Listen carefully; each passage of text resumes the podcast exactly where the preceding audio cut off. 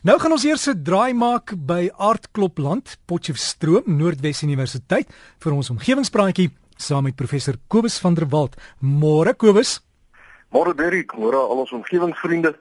Ja jong, hier in Potch, trekkie stof soos ons regmaak vir Aardklop. Dit is lekker om in Potch te wees die tyd van die jaar. Maar ek wil begin met 'n brief wat ek ontvang het van meneer Mani Gous van Oudtshoorn. En hy sê hy is nou iemand wat met sy een voet in die omgewing staan en sy ander voet in die mediese wêreld.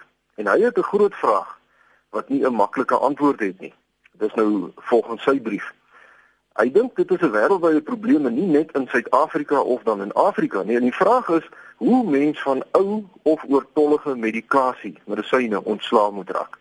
Hy sê sy oupa was byvoorbeeld op 'n vreeslike klomp pille en 'n paar dae voor die oom se se afsterwe het hy nog meer pille ontvang by die dokter En 'n tyd na sy afsterwe toe ontdek die familie dat daar 'n groot klomp medisyne is wat nou op 'n manier weggegooi moet word. En hy sê nie alle aptekers is bereid om die ou medisyne of die halwe botteltjie neusproei of hoesgoed wat nou al die vervaldatum bereik het terug te neem nie. So wat moet mens nou daarmee maak? Hy sê jy kan dit nie in 'n vullisdrom plaas nie vir ooglopende redes en jy mag dit ook nie in 'n wasbak of toilet afspoel nie, weer eens logies. Begrawe kan jy dit ook nie en as jy dit verbrand, kan dit ook probleme skep. Hy sê dan is daar nog voorskrifte medisyne soos antibiotika en hormone en al die goed en om die goed nou onbepaald in 'n kas tuis iewers te bære vererger die probleem want lank nadat dit nou verval het mag dit giftig word weens chemie eh, die chemiese afbreekprosesse. Hy sê die ander gevaar is dat oningeligte persone dalk die ou medisyne nou in die kas kry as jy bietjie siek voel en dan gebruik jy van die medisyne sonder voorskrif en dit kan nou ook baie negatiewe gevolge hê. Nou ja, baie dankie meneer Gous vir hierdie uiters belangrike vraag. En dit is so dat in die meeste huise daar 'n medisynekas is wat vol ou medisyne is wat al verval het en dit is nou nie net hoesgoedjies of kopseerpilletjies nie, maar selfs goed wat uh wat wat regtig uh sterk medisyne is soos pynpille wat oorgebly het na 'n groot operasie of antibiotika waarvan die kursus toe nooit voltooi is soos dit behoort te gedoen te gewees het nie. Nou die verkeerdste ding wat mens kan doen is om hierdie medisyne nou bloot in die asblik te gooi of om dit in 'n toilet weg te spoel want dit beland op hierdie wyse in die omgewing waar dit groot skade kan doen. Uh of mense wat op afvalstortingsterreine ehm um, hersirkulering doen en daar rondkrap kan dalk die medisyne in die hande kry en dit kan natuurlik dodelike gevolge hê vir al ons kindertjies wat dit in die hande kry. 'n Mens sou nou verwag dat die meeste ontwikkelde mense daarom sal besef dat mens verantwoordelik met ou medisyne moet omgaan. Maar in Amerika byvoorbeeld het hulle departement geologiese opname bevind dat 80% van Amerika se riviere en mere tekens van farmaseutiese produkte bevat. En in die groot mere is daar tans studies aan die gang om byvoorbeeld die invloed van Prozac en ander antidepressante op die ontwikkeling van visspesies te bepaal. En 'n ander studie wat ek raak gesien het, kyk na die invloed van cholesterolmedisyne op visreproduksie. Die groot probleem is natuurlik dat normale watersuiweringsaanlegte van munisipaliteite nie hierdie tipe chemikalieë uit die water verwyder nie. So as ons nou ou medisyne bloot in die toilet afspoel of in die drein gooi, dan uh, gaan dit op 'n later stadium in die riviere beland en ons gaan ons drink dit eintlik maar self net weer. Die konsentrasies is wel baie laag, maar ons blootstelling aan hierdie tipe chemikalieë is langtermyn. So dit is nie iets wat ons wil hê nie. Nou die heel eerste stap wat mens uh soos met alle omgewingsprobleme moet neem is om die probleem by sy oorsprong aan te spreek. En in die geval van medisyne is dit bloot dat mense nie onnodig baie medisyne moet koop sodat dit nou net op tyd jare in 'n kas kan rond lê en later 'n probleem word nie. Mense is geneig om veral in die geval van kroniese medisyne groot volumes te wil koop sodat mense nou nie kort kort na die apteek toe hoef te gaan nie. En die moontlikheid wat daar deesdae is om medisyne oor die pos te bestel, vererger natuurlik hierdie probleem.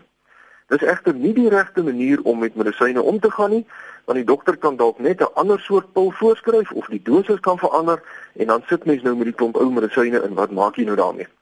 Ek het bietjie op die internet gaan rondsoek oor wat mens met ou medisyne behoort te doen en dit blyk wêreldwyd 'n probleem te wees, um soos meneer Gous wel opgemerk het. Want na regte behoort ou medisyne as 'n gevaarhoudende chemikalie beskou te word en op dieselfde wyse van ontslae geraak word as enige ander gevaarlike stof soos 'n sterk suur of sê net maar 'n klomp ou olie of so iets. Nou op die internet is daar allerlei vreemde resepte. Soos byvoorbeeld dat mense ou medisyne moet fyn maak en dit dan meng met gebruikte katsand of gemaalde koffiebone sodat geen organisme aan die goed sal wil eet nie en dan moet mense nou glo die goed verseël in 'n dik plastieksak en dit dan diep begrawe. Maar dit is natuurlik nie reg nie. Ons is gelukkig in Suid-Afrika uh omdat ons groot apteek kettingwinkels het en hulle is baie meer verantwoordelik as lyk my wat die mense in Amerika is.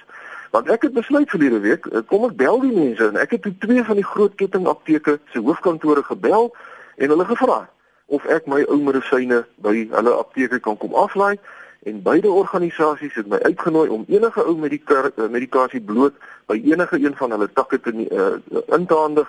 Uh, hulle sê mens moet dit dan nou net neem daar waar die apteker is, met ander woorde die plek waar mens voorskrifmedisyne kan kry. En hulle sal dit dan op die korrekte verantwoordelike wyse wegdoen. Uh nou ek het nou net met twee van die groot apteekkettings gepraat Maar ek is seker dat die meeste apteke presies dieselfde sal doen hier in Suid-Afrika. En ek dink dat die meeste dokters, die meeste mediese praktyke ook genees sal wees om nou nie as 'n ou tonne medisyne daar aanbring nie, maar om klein volumes ou medisyne te aanvaar sodat dit dan saam met die mediese afval vernietig kan word. So vir omgewingsvriende wat nou in afgeleide afgeleide dele van ons land woon of op plase of so, as u nou weer stad toe ry en 'n groot winkelsentrum gaan besoek, neem gerus die ou medisyne saam en gaan handig dit in by die groot apteke, maar moet dit asseblief nie in 'n toilet afspoel of in die uh, uh munisipale vullis laat beland nie. Baie dankie meneer Mani Gous van Oudtshoorn vir daardie navraag en ek wil graag vir ons aptekers ehm um, die die groot apteekwinkels en so in Suid-Afrika wil ek vanoggend 'n pleintjie toe toe swaai. Dit is uitstekend dat u hierdie diens verrig. En dan Dirk, wil ek vanoggend afsluit met 'n verwysing na 'n ander tipe afval wat ook in die meeste van ons huise uh, net lê en stof versamel en dis natuurlik elektroniese afval. Nou organisasies so skole, kerke of ouerhuise kan dalk 'n lekker geldjie maak deur hulle ou rekenaars, selfone, batterye, TV's, huishoudelike apparate so strykuisters, wasmasjiene, ou stofsuiers en yskaste te versamel en dit dan per geleentheid uh, aan 'n maatskappy aan te bied. Uh, mens bel gewoon die maatskappye om die goed te kom oplaai uh, as mens nou met tyd genoeg daarvan bymekaar gemaak het. Jy kan dan bloot op 'n webwerf, die webwerf van Ewasa kyk, is E W A S A. Dit staan vir die Electronic Waste Association of South Africa. En ek het die webwerf se besonderhede vroeër die week op omgewingspraatjies se Facebook bladsy geplaas. So u kan maar net op die Facebook bladsy kyk, Ewasa is daar en hulle 'n hele klomp lidorganisasies en hulle sal dan die uh, afval kom oplaai en ook betaal daarvoor want dit is waardevolle goed. Dan weet ek daar dan is my tyd hier om vanoggend, eh, soos ek sê, hier in Potch trek die die stof soos ons ons vere regspit vir aardklop en uh, ek dink daar gaan 'n hele paar pyp produksies wees. Ek sien Derek, jy kom self ook Potchefstroom toe volgende week. Sover ek weet, ons gaan heel moontlik oor ons breakfast met Derek uh, boekgesels Saterdagoggend daar by die boekehuis, maar sodra ek weet, sal ek jou dit weer om te kyk. Daarom sien mag en jy iets daar doen by die fees, Kobus? Uh, Derek, ja, ek het ek het die voorreg om om deel te neem aan die uh, die produksie in die grond van die wind en dis nou vir my 'n vreeslike voorreg want ek is mos maar net heeltemal 'n amateur, maar ek is nou saam met 'n klomp professionele mense hier besig. Elise Kuywood is hier 'n geseëse en Driekus Volskenk wat saam met haar in die uh rolprent gespeel het. Dis ek Anna wat een van die dae begin draai. Hy speel die hoofrol.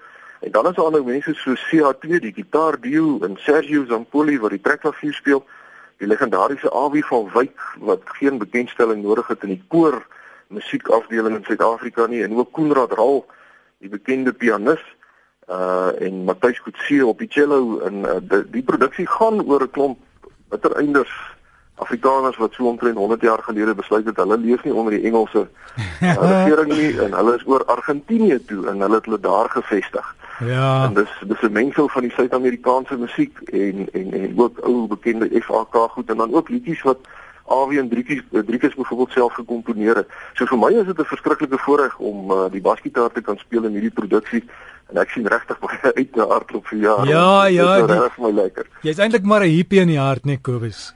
Jong ja. Dit is almal nie doen.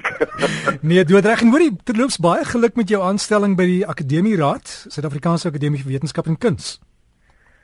Derek, dankie, maar nou gee jy vir my nuus. Ek het dit self nog nie eens raak gesien nie. Nee nee, ek het maar net hier so boodskap gekry en toe sê ene uh professor Kleinhans van NWU vir ons So ja, ja. My, nee, maar baie dankie.